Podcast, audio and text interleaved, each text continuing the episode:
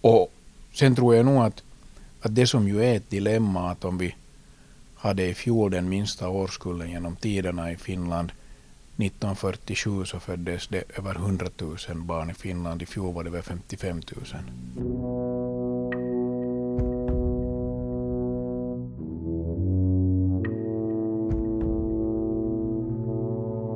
Det här är Bildningsalliansens podd Bildande samtal.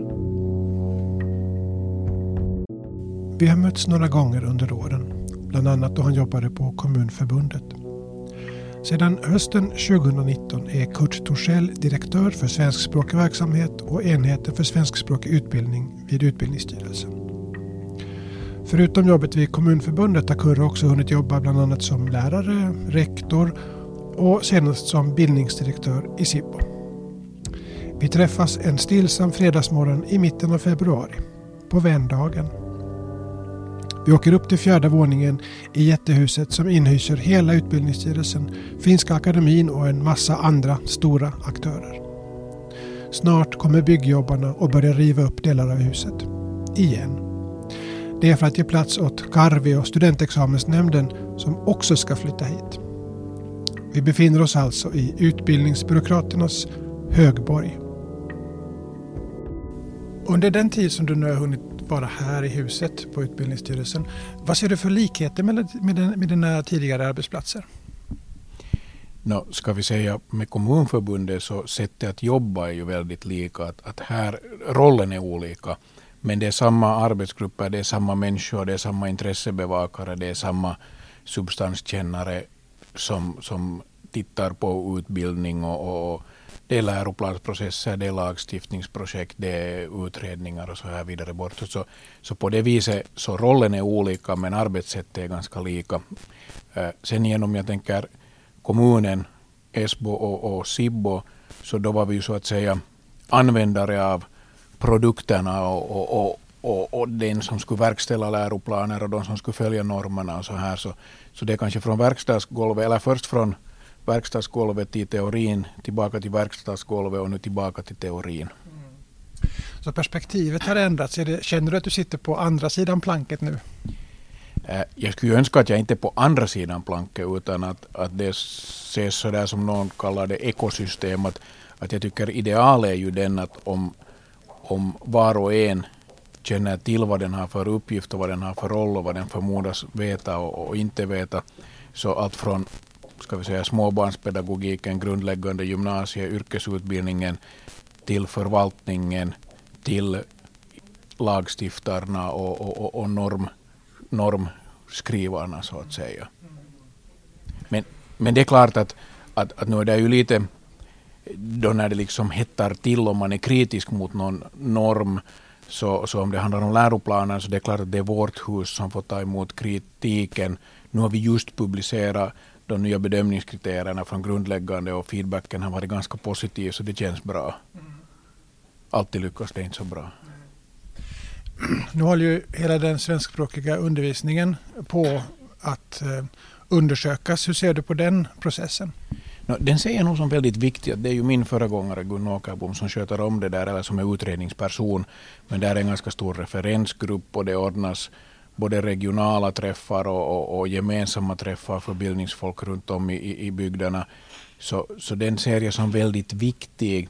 Dels att vi får någon sorts nulägesbeskrivning och, och, och sen det som ju den där tusen dollars eller tiotusen dollars frågorna. Att, att vad är det vi borde göra? Borde vi ändra riktningen på skutan eller ska vi se glada och nöjda ut bara vi vet vissa flaskhalsar som, som finns och som är jättesvåra att hitta någon lätt åtgärd på typ småbarnspedagogikens personalsituation i södra Finland och, och, och, och sånt här. Och, och sen förstås det som nog är både på finska och svenska en, en, en bra fråga är det att när vi har bygder och trakter som avbefolkas så, så hur håller man kvaliteten i, i en sån miljö där man vet att, att sist man släcker lamporna och, och ger bort nyckeln. Hör du till de som är orolig för hur det ska gå för det finlandssvenska och, och bildningsnätet, utbildningen på svenska i Finland?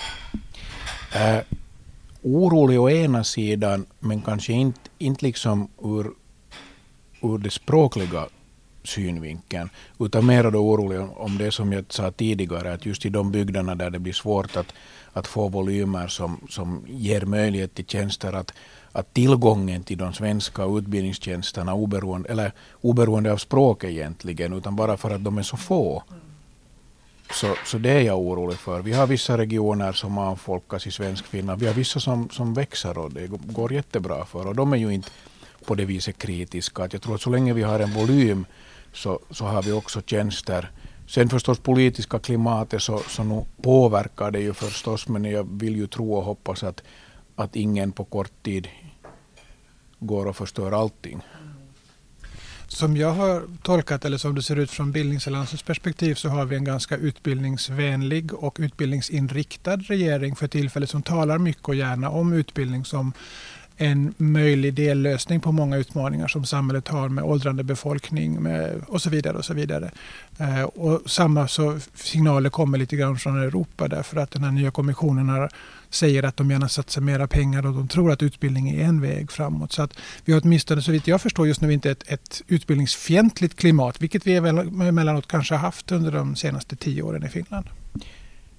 Det, jag håller med dig så här att, att vi har en utbildningsvänlig regering för tillfället. Och, och jag håller också med om det att, att eh, nu är det ju många som har sagt det redan om man tänker att från, från efterkrigstiden när man har haft den här framförsynen att man har, som politikerna insett att det är utbildning vi bör satsa på. Att det, det är vår enda riktigt stora naturtillgång. Att okej, okay, skogen, ja, men att, men att liksom utbildning bör vi ha. Och sen är det också det att att via utbildning så får man välmående och via utbildning så, så får man folk att förstå saker och ting. Att, att äh, om man vänder på steken så om, om man har ett samhälle dit man inte får nyheter och där man inte får utbildning så är det ju en grogrund för allt möjligt som man kanske inte vill ha. Inte. Och, och sen tänker jag också den här biten att, att utbildning som leder till att folk får ett drägligt liv så i långa loppet så har vi färre människor som är utanför och, och om man tänker på ekonomin så tänker jag så här att, att prislappen för en som har, som har marginaliserats är jättehög. Så för varenda en sådan som vi får in i systemet och med i samhället och, och, och med, med i båten så, så är det så att säga klirr i kassan som kan användas till just då utbildning. I det sammanhanget, hur ser du på den fria bildningens roll och plats? No, där är ju nog fria bildningen, jag tycker nu i synnerhet när vi pratar om den här utvidgade läroplikten så, så tycker man att, att det som jag nu tidigare har sett så har det ju lite blivit så här nu att fria bildningen har sina traditionella uppgifter. Det är matlagning och det är idrott och dans och musik och så här. Men, men sen har ju fria bildningen varit bra på att fånga upp de här sakerna som man har sett att det har funnits ett behov men som kanske inte har funnits riktigt någon som tar lyra på de här sakerna. Att då tänker jag på integrationsutbildning, jag tänker på, på, på vad heter det, det här som man nu då med utvidgade läroplikten funderar att det som man kallar blir det folkhögskolornas långa linjer, att de skulle vara ett sätt att, att vad heter det, eh, fullgöra läroplikten. Så, så där är det liksom fria bildningen är kanske den där mångsysslaren som är inte rädd att, jag ser det så här som, som aldrig är rädd att ta itu med nya grejer. Att, att där finns inte den här, det finns en tradition, ja, men den där rädslan för att hugga tag med nytt så, så finns inte. Det värmer mitt hjärta eftersom jag jobbar med fribildning och tycker att det är det viktigaste som finns. Det är också det som får mig att gå till jobbet varje dag. Vad är det som får dig att gå till jobbet varje dag? Jag tänker nog så här, eh, eh, jag har citerat vår generaldirektör flera gånger att, att eh, han sa någonting i stil med att oberoende vad vi har för politiska konstellationer eller vem som, som leder vilka hus i, i det här systemet så, så måste man se det som så att vi har ett uppdrag av Finlands folk och det är att se till att vi gör det bästa vi kan för att se till att allt från småbarnspedagogiksbarnen till, till universitetsstudenterna har det så bra som möjligt och, och att vi skapar så goda förutsättningar som möjligt för dem att komma vidare i livet och som flera ju har sagt att vi ska utbilda, utbilda våra ungdomar till yrken som inte ännu finns. Men du, ärligt talat, eh, och det vet du därför att du har suttit på, om inte andra sidan planket, men du har suttit som mottagare av eh, det som kommer från centralt håll. Eh, det finns ju en och annan som tycker att de här centrala aktörerna, Utbildningsstyrelsen kanske framförallt påtar och petar ganska mycket i detaljer och styr och ställer och det blir mera krångel i vägen än att de faktiskt hjälper, även om viljan att hjälpa finns där. Förstår du hur jag tänker? Jag förstår hur du tänker, men, men sen tänker jag så här också att om jag slänger kommunhatten på mig så eh, tänkte jag alltid så här att i första hand måste man ju säga att man har laglig verksamhet. Och sen förstås att man använder de resurser man får av skattemedel så vettigt som möjligt. Att liksom, jag tycker att ett bra rättesnöre är att, att vad nyttar det här eleverna i ettan, i tvåan, i nian, i gymnasiet, i yrkesutbildningen. Att, att om man har svårt att hitta svar på att man sysslar med någonting som inte de har nytta av så borde man kanske inte syssla med det. Och, och sen om jag tänker de här normerna så, så det sa jag redan under min lärartid att, att bakom varje tokig regel finns ett ännu tokigare missbruk. Så, så nu är det ju liksom med lagstiftning och med normer så dels så försöker man ju utveckla och få saker och ting att bli bättre. Men synnerhet med lagstiftningen är det ju nog att man försöker täppa till också sådana vad heter det, problem som man har uppfattat och, och, och liksom ge verktyg. Det kan handla om ordningen i skolan eller rätten att, att skrida till disciplinära åtgärder. Till exempel har det varit diskussion om det här att rektor borde få avstänga för mera än återstoden av dagen. Och den här typens grejer som man, som man liksom håller på med. Men, men inte uppfattar jag ute på fältet att, att myndigheterna skulle ha bromsat eller stört eller förstört vår verksamhet. Att ibland så, så kan det ju kännas så där att, att vissa lagstiftningar är knepiga och svårförståeliga men att då vet man nog att, att de korrigeras förr eller senare till nu. Att, att, sen tänker jag nog så här att med sunt bondförnuft där ute på fältet så, så om man alltid har just de här rättesnörena, att vad gynnar eleven, eh, förstår familjerna och vårdnadshavarna vad vi pratar om och, och, och nu, nu liksom stor, stora merparten av alla vårdnadshavare och beslutsfattare och tjänstemän är ju vettiga människor som går att diskutera sig fram med. Medan ibland så sker det ju så att det liksom det är något besvär som går vidare eller det, det blir något rättscase och då, då får man ju prejudikat och då får man rätta och korrigera lagen. Så, så så det, det där är en sak eh, hur man hanterar till exempel vad rektorn får säga eller göra eller hur länge han får, hen får avstänga en elev som har betett sig illa. Men sen har vi det här till exempel då med läroplansarbete som är betydligt större och som känns som att det aldrig tar slut därför att så fort man är färdig så kommer nästa. Så att det är en ständig process där man hela tiden måste utvecklas, vilket som lärare kan kännas jobbigt därför att du vill också syssla med det dagliga, alltså den pedagogiska verksamheten. Ja, no, där, det där är ju riktigt sant att, att eh, jag har funderat massor på det där själv att, att om man nu tar den läroplan som vi som blev klar 2014 så där var jag ju i den sitsen att jag satt med i styrgruppen här i utbildningsstyrelsen som kommunförbundets representant och sen åkte jag ut i kommunen och, och, och fick verkställa och implementera den. Eller förstås var det ju rektorerna i, kanske som mest och, och, och, förvaltningen. Men i varje fall följa med det på nära håll. Och, och det är ju det att ja, de där processerna är jobbiga och de borde nog kanske inte komma oftare än vart tionde år. Inte. Nu har det varit lite sådana här, vad ska vi säga, korrigeringar på vägen och, och nu tycker jag att det är bra också att man inte är rädd att att ta itu med om man märker att det är någonting som borde justeras. För den var ganska, jag tycker att den var stor den där reformen, läroplanen från, från 2004 tror jag den förra var och nu då 2014. Så steget, liksom, det var skillnaden var ganska stor och, och det gjorde ju liksom att det väcktes frågor som antingen fanns svar på eller som inte fanns svar på. Men att, att sen är det ju nog, eh, fast det kan kännas jobbigt och att det är liksom tidskrävande, så nu ger det ju saker när lärarna sätter sig ner och diskuterar de här sakerna. Att alltid när man, det är samma sak som någon strategiprocess inom ett hus, att när du sätter dig ner tillsammans och funderar på att vad är det vi sysslar med, hur borde vi göra det här, är det här rätt sätt, vad säger normerna, så, så nu ger det ju också sakerna. fast det just då känns jobbigt och onödigt. Utbildningsstyrelsen sitter i ett stort hus tillsammans med en massa andra aktörer och snart kommer det ännu fler aktörer hit. Eh, har, du, har du känt av att det där fungerar ännu? Det är alltid svårt i ett stort hus med många anställda att, att nå den där det som man talar om den potentiella synergieffekten, att man kanske lär av varandra och att man kan hitta nya lösningar för att det kommer in folk från oväntade håll och sådär. Eller är det så att, att arbetet är så pass intensivt och man är fokuserad så att man sitter i sin silo eller sin grupp i alla fall? Du tänker nu liksom på vårt hus här. Ja, ja.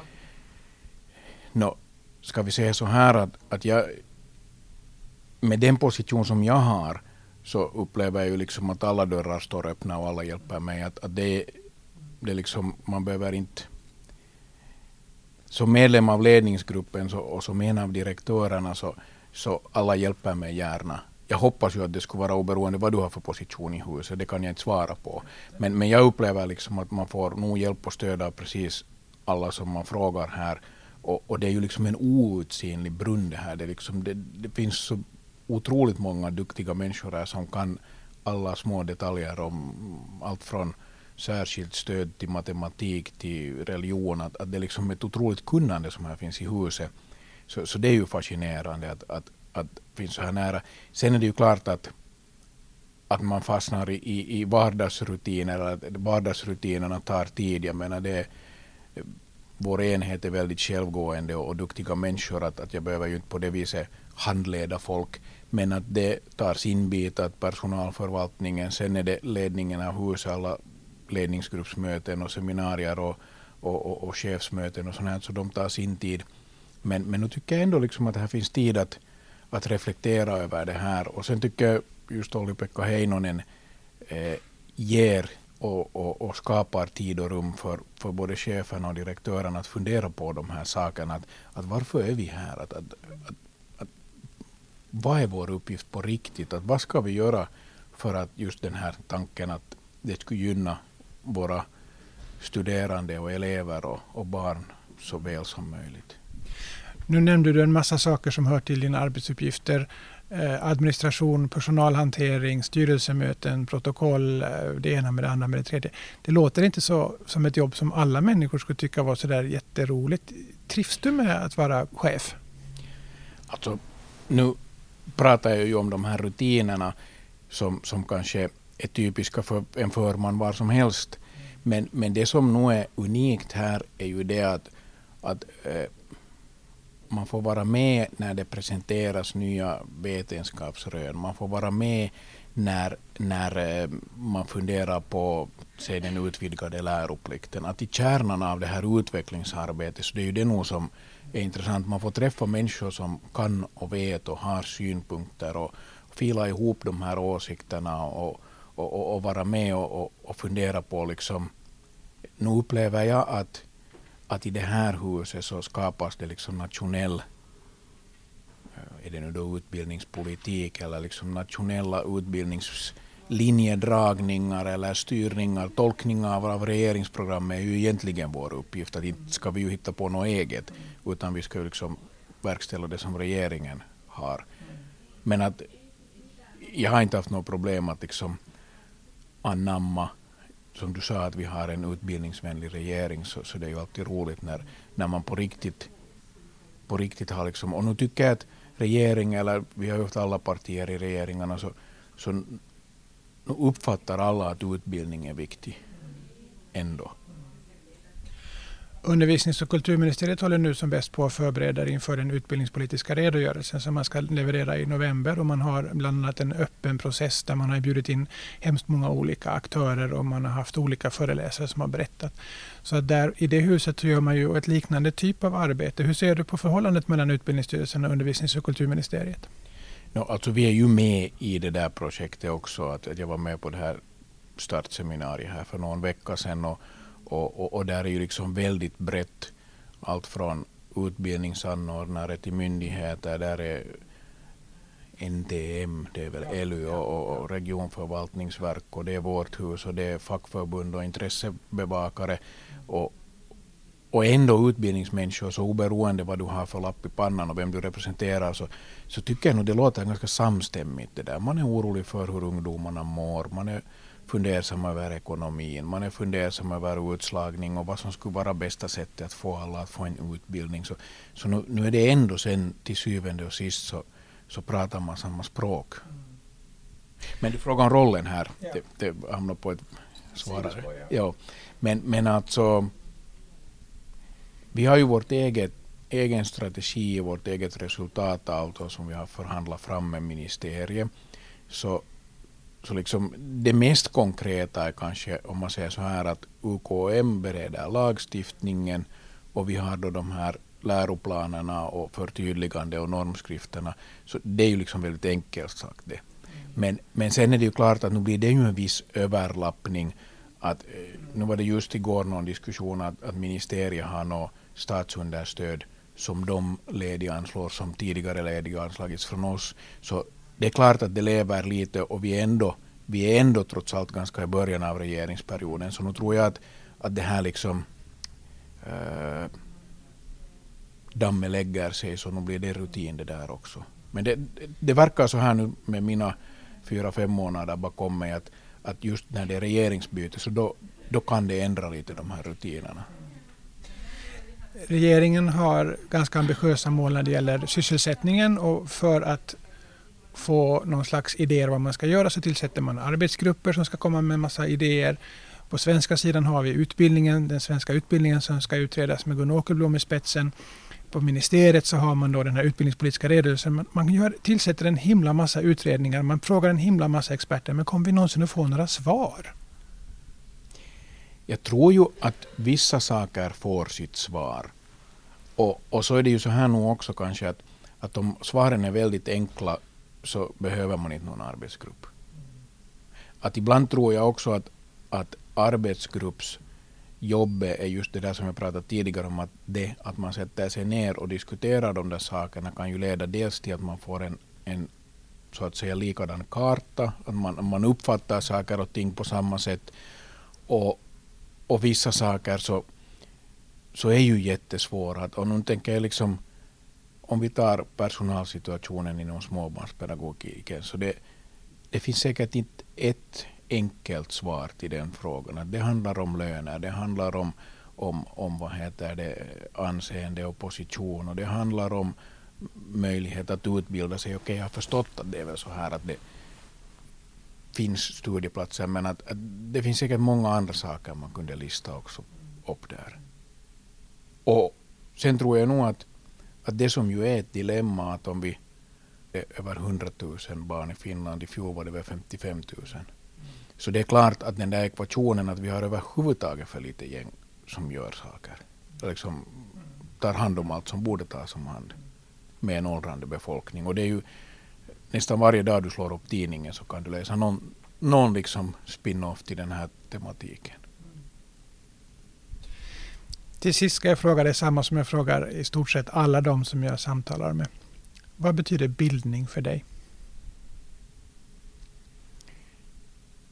Bildning betyder ju nog det att man har liksom en neutral grund med fakta som stöder ens värderingar.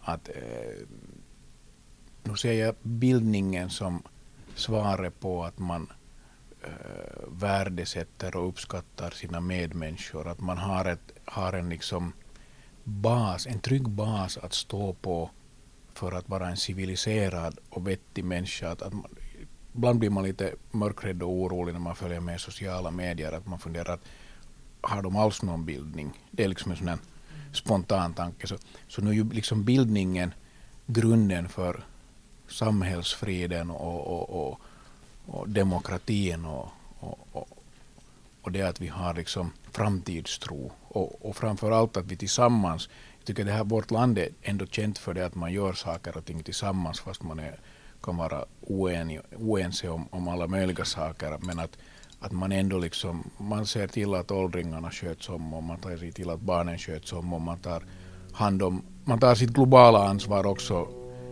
eh, så som vi nu klarar av det. Du har hört på ett bildande samtal mellan mig, Johanne Larianko, och Kurt Torssell, direktör vid Utbildningsstyrelsen. Podden ges ut av Bildningsalliansen och handlar om lärande i olika former och sammanhang. Varje avsnitt är ett samtal med en person som jag är nyfiken på. Du får gärna ge mig feedback eller föreslå intressanta gäster att samtala med. Lättast gör du det i vår Facebookgrupp som du hittar om du söker på Bildande samtal. Där finns också alla äldre avsnitt inlänkade.